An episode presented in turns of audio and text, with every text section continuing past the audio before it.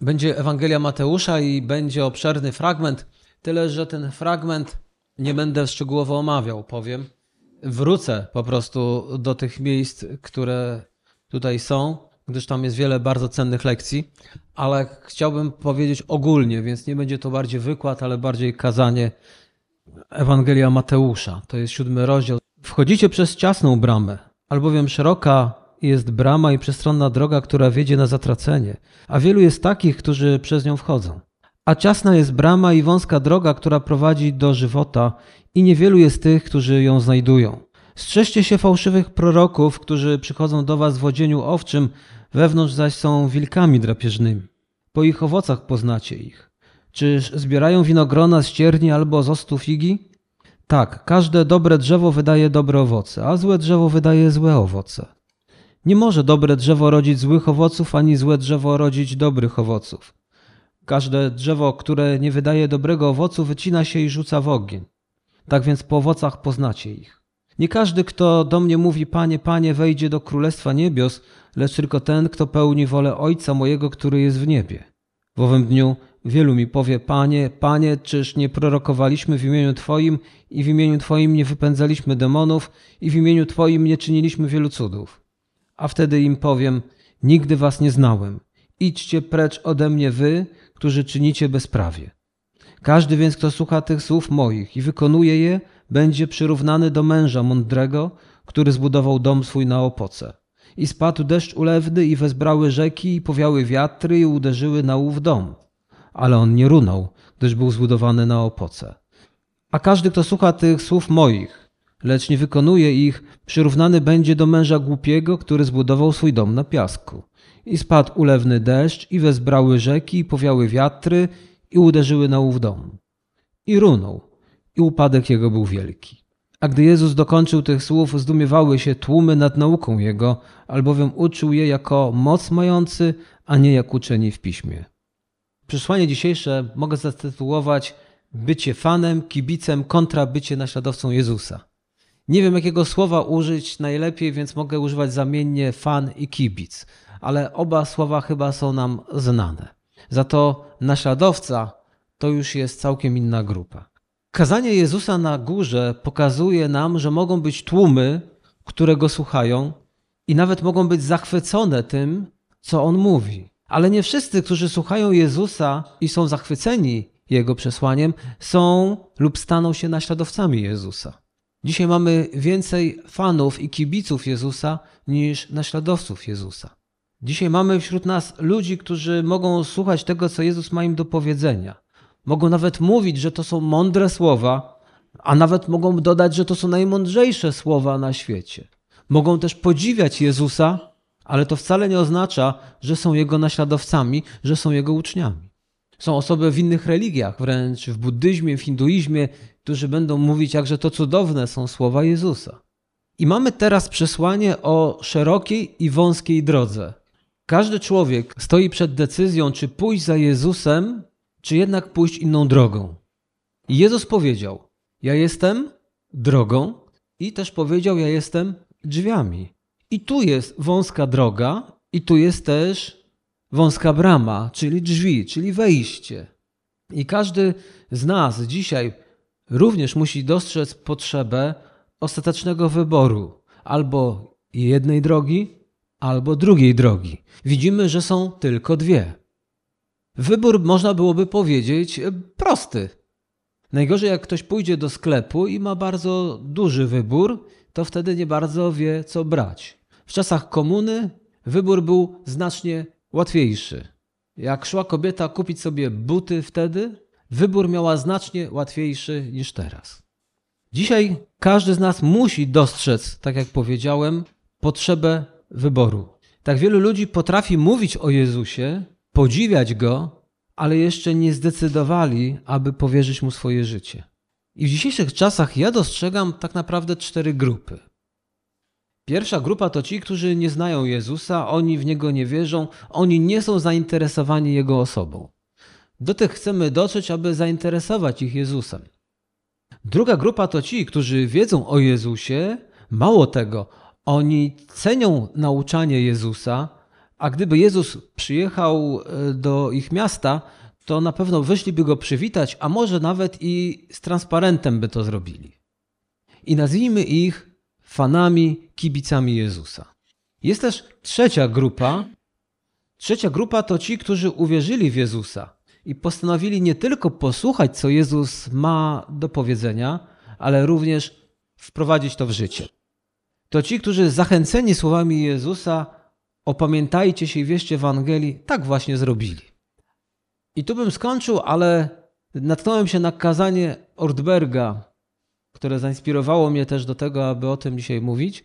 On znalazł trzecią grupę, o której tylko króciutko, kiedyś więcej. Ortberg określił ich, to są użytkownicy Jezusa. To grupa, która jest bardziej zainteresowana niebem niż Jezusem. Oni są bardziej zainteresowani życiem wiecznym niż podążaniem za Jezusem i naśladowaniem Go.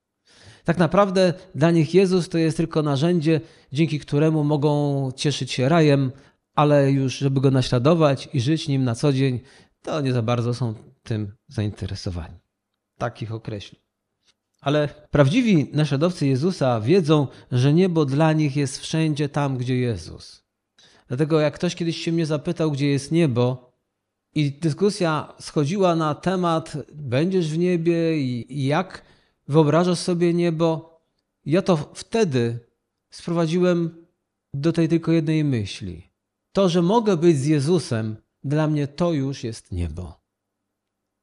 I nie interesuje mnie osobiście, gdzie to będzie, bo być z Jezusem jest o wiele lepiej, niż by się to nam wydawało i czytamy również o tym w Biblii. Ale dla niektórych ważniejsze jest, jak powiedziałem, niebo niż Jezus. Czy jesteś fanem, kibicem czy naśladowcą Jezusa Chrystusa? Kiedy Adam Małysz, ktoś jeszcze go pamięta? Kiedy Adam Małysz zaczął skakać, odnosząc w tym sukcesy, zaczęła się Małyszomania. I pozwolę sobie to za Wikipedią wręcz przeczytać. Małyszomania. Zjawisko społeczne polegające na masowym zainteresowaniu skokami narciarskimi w Polsce w pierwszej dekadzie XXI wieku, będącym skutkiem sukcesów sportowych Adama Małysza. I dalej dowiadujemy się, i my to dobrze wiemy, bo my to pamiętamy, ale to, co tam jest, może być dla młodszego pokolenia. W okresie Małyszomanii telewizyjne transmisje konkursów skoków narciarskich na kanałach telewizyjnych przyciągały wielomilionową widownię komentowane były przez sprawozdawców sportowych. Transmisje niektórych konkursów były najpopularniejszymi audycjami telewizyjnymi dekady. Zgodzicie się? Innym przejawem małyszomanii były też masowe wyjazdy kibiców na konkursy skoków. Ileż to wtedy widzieliśmy Polaków, którzy tam kibicowali, których wcześniej tylu nie było. A sukcesy Małysza wpłynęły na znaczący wzrost zainteresowania trenowaniem skoków narciarskich wśród dzieci i młodzieży. Wtedy pojawiły się nowe talenty, które dzisiaj też skaczą. Z myślą o nich też powstały przeróżne programy. A także wtedy pojawiło się najwięcej sponsorów tejże to dyscypliny, czyli dyscypliny skoków. To też dowiadujemy się z Wikipedii. Większość jednak fanów Małysza nie założyła nart i nie ruszyła na stoki. Bycie fanem nie oznacza bycie naśladowcą. Tylko niewielka grupa założyła narty. Czy ktoś z Was kiedyś widział Michaela Phelpsa, takiego pływaka? Ten pływak na olimpiadzie zdobył 8 złotych medali, ustanowił wiele rekordów świata. Jeden człowiek wpłynął na to, że w pewnym to momencie sami administratorzy Facebooka to powiedzieli, że kiedy on w czasie tych swoich sukcesów powiedział, że ma profil na Facebooku, to Zaraz w tym momencie przybyło im 5 milionów użytkowników, bo pojawili się kibice i fani, którzy chcieli go tam śledzić. Fani ruszyli na Facebooka, ale ilu postanowiło pójść w jego ślady i regularnie pływać? Jak sądzicie, ilu z tych kanapowców powiedziało: Od jutra zapisuję się na pływalnię, na basen, ale nadal przed telewizorami i przed monitorami miał swoich fanów. Będziemy podziwiać, oklaskiwać bohaterów, ale niewielu zamierza żyć tak jak oni. Zmienić swoje życie Jesteśmy fanami, a nie naśladowcami. Fan jest pod wrażeniem. Kibic bije brawo, ale to naśladowca poświęca i oddaje swoje życie. To naśladowca angażuje się, a także poświęca. I jeszcze jedna historia. Wielu ludzi podziwiało Martina Luthera Kinga. Nie tak dawno była pewna rocznica, więc przeróżne media, podejrzewam, że usłyszeliście to też w mediach nazwisko w ostatnich dniach. Więc Martin Luther King powiedział też znaczące słowa, ale też ruszył w takim znaczącym marszu. Wielu ludzi z nim maszerowało, ale niewielu z nim poszło do więzienia. Wielu ludzi podziwiało matkę Teresę, ale niewielu poszło, aby żyć wśród ubogich i umierających i im służyć. Wielu ludzi podziwiało Jezusa, ale niewielu chce żyć według Jego słów i umierać dla Niego. Myślę, że już nakreśliłem obraz kibica a naśladowcy. I dzisiaj dochodzimy do końca kazania na górze. Tak jak powiedziałem, będę chciał wrócić do niektórych tych miejsc i powiedzieć coś więcej, ale dzisiaj to przesłanie, które nam pokazuje, że kiedy Jezus wygłosił swoją mowę, słuchały go dwie grupy ludzi. Na początku, jak nam powiedziano, gdy zobaczył tłumy, wyszedł na górę. Jego uczniowie przyszli do niego, a on zaczął nauczać. Jedną z grup był tłum, który był pod wielkim wrażeniem nauki Jezusa. W rzeczywistości, kiedy doszedł do końca kazania na górze, powiedziano nam o ich reakcji. I to jest 28 i 29 werset. A gdy Jezus dokończył tych słów, zdumiewały się tłumy nad nauką Jego, albowiem uczył je jako moc mający, a nie jak uczeni w piśmie. Tłumy. Ale ilu poszło za Jezusem, będąc gotowym go naśladować, ewentualnie nawet umrzeć z powodu Jezusa? Nawet zauważyli, że nauczył ich jako moc mający. Na kibicach robi wiele rzeczy wrażenie. Ale to, że na kimś zrobiło to wrażenie, wcale nie oznacza, że będzie uczniem Jezusa. Dlatego uczył ich jako moc mający, a nie jak uczeni w piśmie. No i co z tego? Ilu z tych ludzi, z tego tłumu szło za Jezusem każdego dnia, aby słuchać Jego słów, aby Go naśladować? Cały tłum podziwiał Jezusa, ale kiedy nauczał, w sercu kilku z nich wydarzyło się coś, co wykraczało daleko poza podziw, bo ich serca zaczęły bić mocniej.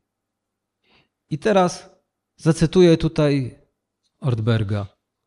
To jest to, to jest to, za czym tęskniłem przez całe moje życie, nawet o tym nie wiedząc, nie będąc w stanie tego nazwać, aby zostać oczyszczonym i otrzymać przebaczenie wszystkich moich grzechów i wszystkich śmieci, które są częścią mojego życia. Aby poznać Boga, aby nie być niewolnikiem pożądania seksualnego lub niezdrowych nawyków, lub potrzeby coraz większej ilości pieniędzy ale aby być częścią Bożej sprawy, odkupienia świata, aby mieć pewność życia wiecznego, aby nie bać się już śmierci. Muszę to mieć. Wolę mieć to, co ma ten człowiek i zrezygnować ze wszystkiego innego na świecie, niż mieć wszystko, co świat może mi zaoferować i zrezygnować z tego człowieka Jezusa. Dlatego zapłacę każdą cenę. Jeżeli coś takiego dociera również do nas, kiedy słuchamy Ewangelii o Jezusie, to znaczy, że przechodzimy z miejsca kibica do miejsca naśladowcy. Taki człowiek mówi: Zrobię wszystko, czego ode mnie zażąda. Pójdę tam, gdzie on zechce, dam wszystko, co powie, że powinienem dać. Będę taki, jaki według niego powinienem być. Tak myśli i tak mówi naśladowca Jezusa. Kiedy dodaje dziś opuszczam tłum, dzisiaj zostawiam swoją dotychczasową strefę komfortu, swoją szeroką drogę, o której mówi Pan Jezus. Wybieram wąską drogę i wybieram wąską bramę od dziś nie jestem już kibicem. Będę żył jako naśladowca Jezusa. Nie wszyscy, słuchając wielkich słów Pana Jezusa, którymi często są zachwyceni, podejmują taką decyzję. Niektórzy wstają, wychodzą, są pod wrażeniem, ale nadal są kibicami, a nie naśladowcami. Jezus wiedział, że Jego obecność, Jego życie, Jego słowa będą miały wpływ na nielicznych. I też Jezus nieustannie, nie wiem czy to słowo jest właściwe, ale nieustannie zmusza nas do podjęcia decyzji, czy przejdziesz z kibica, fana do naśladowcy. On nieustannie zachęca ludzi do wyboru ich drogi życiowej. W Ewangelii Jana mamy historię o człowieku, który był kibicem. Kibicem Jezusa. Na imię miał Nikodem, przywódca religijny, faryzeusz. I tam czytamy, że przyszedł do Jezusa w nocy i powiedział: Rabi, wiemy, że jesteś nauczycielem, który przyszedł od Boga, bo nikt nie mógłby czynić tych cudów, gdyby Bóg nie był z nim. On jest fanem Jezusa. On przychodzi do Jezusa w nocy. Oczywiście ktoś powie, że może po pracy, w dzień nie miał czasu, obowiązki, ale raczej ta sytuacja pokazuje nam, że on przyszedł do Jezusa w nocy, dlatego że nie chciał, żeby go widziano. Nie chciał ryzykować utraty swojej pozycji wśród religijnych przywódców Izraela. On był kibicem. Jezus powiedział do niego: Nikodemie, musisz narodzić się na nowo, musisz stać się moim naśladowcą. Musisz pozwolić, by mój duch cię przemienił, musisz publicznie utożsamić się ze mną. I co się stało z Nikodemem później, wiecie? I Nikodem to robi. Bo kiedy Jezus umarł, to Nikodem publicznie już przyjmuje jego ciało i składa w grobie. Przestał być kibicem, ale teraz już staje się naśladowcą Jezusa. On się już nim utożsamia. On się już Jezusa nie wstydzi. Inna historia. Pewnego dnia do Jezusa przyszedł ktoś, kto znany jest nam w Biblii jako bogaty młodzieniec, tak? I powiedziano nam, że podbiegł do Jezusa i upadł na kolana i powiedział: Nauczycielu dobry, co mam czynić, aby odziedziczyć życie wieczne? On jest fanem Jezusa. Zobaczcie, pada na kolana. Jakże niewielu dzisiaj ludzi pada na kolana przed Jezusem. Nazywa go dobrym nauczycielem. A Jezus mówi do niego: Idź i sprzedaj wszystko, co posiadasz. Radykalnie zmień swój styl życia. Rozdaj wszystko, co masz, aby błogosławić ubogich, przyjdź i naśladuj mnie. I co mówi ten bogaty młodzieniec? Niewiele już mówi, ale narrator nam mówi, że odwrócił się i odszedł bardzo smutny. Był gotowy podziwiać Jezusa, ale pójść za nim to kolidowało to już z jego życiem. Może z jego reputacją, może z jego finansami, bo w tym wypadku to o to chodzi. Jest różnica, jak widać, pomiędzy bycie kibicem Jezusa, a byciem naśladowcą. I widzimy to na każdym kroku. W tym miejscu można zadać sobie pytanie, pytanie Jezusa, które jest adresowane do każdego na tej ziemi. Pójdziesz za mną, czy będziesz mnie tylko podziwiał? Przez całe kazanie na górze Jezus opisuje styl życia w Królestwie Bożym. I są tam słowa: Błogosławieni jesteście. Ale błogosławieni jesteście to są słowa dla tych, którzy wybrali drogę Jezusa. I na końcu kazania na górze mówi: Jeśli chcesz tego życia, oto jakie osiągniesz. I mamy słowa: Wchodzicie przez ciasną bramę, bo szeroka jest brama i szeroka droga, która prowadzi do zguby i wielu przez nią wchodzi, ale ciasna jest brama i wąska droga, która prowadzi do życia i tylko nieliczni ją znajdą. I Jezus o sobie powiedział: Ja jestem drogą. To jest ta wąska droga. Kochaj Jezusa, poddaj się Jezusowi, zaufaj Jezusowi, trwaj w Jezusie i poświęć się Jezusowi bez zastrzeżeń. Jaka jest szeroka droga? To droga tłumu. To właśnie robią ludzie dzisiaj na świecie to ścieżka najmniejszego oporu, to droga najmniejszego oporu, to rodzaj dryfowania, podziwiania Jezusa, ale danie sobie prawo do robienia tego, co się chce. Zobaczcie, że bardzo wiele osób, kibiców piłki nożnej, ogląda mecze jednocześnie bardzo zdrowo się nie odżywiając. Tam biegają silni, dobrze odżywieni piłkarze, a oni tym samym czasie leją w siebie i wkładają w siebie rzeczy, które rujnują im zdrowie. Ale jak potrafią krzyknąć, kiedy ich idole coś tam zrobią. Wpadnie bramka i ile to jest radości. Ale nie każdy z nich nawet jest w stanie podskoczyć z radości. A tamci biegają przez dwie godziny. Zależy ile tam jest minut dodanych. Jak więc widzimy, każdy musi wybrać. Jest ciasna brama albo jest szeroka brama. Nie ma trzeciej bramy. Jest wąska droga i szeroka droga. Nie ma trzeciej drogi. Jest dobre drzewo i złe drzewo.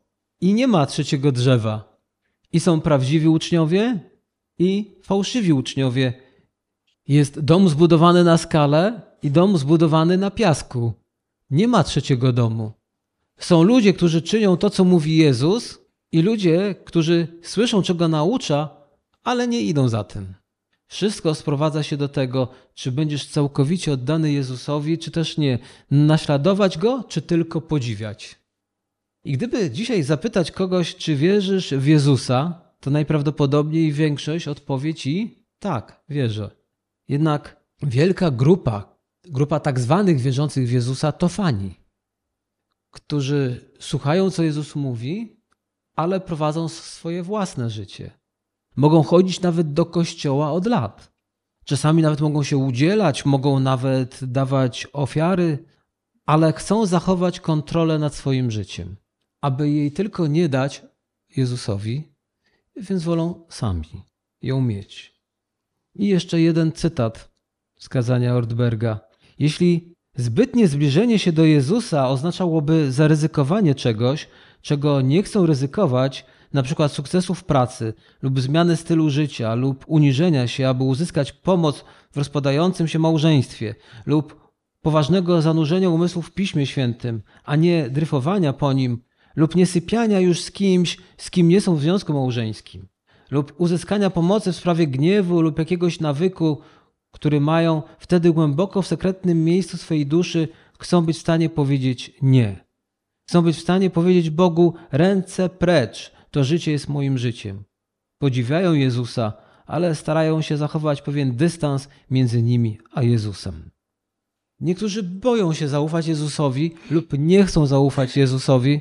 Niektórzy nie wiedzą, że warto, bo czasami są chrześcijanie, którzy faktycznie no, nie są zachętą, a mamy być listem. Ale to też ich nie usprawiedliwi.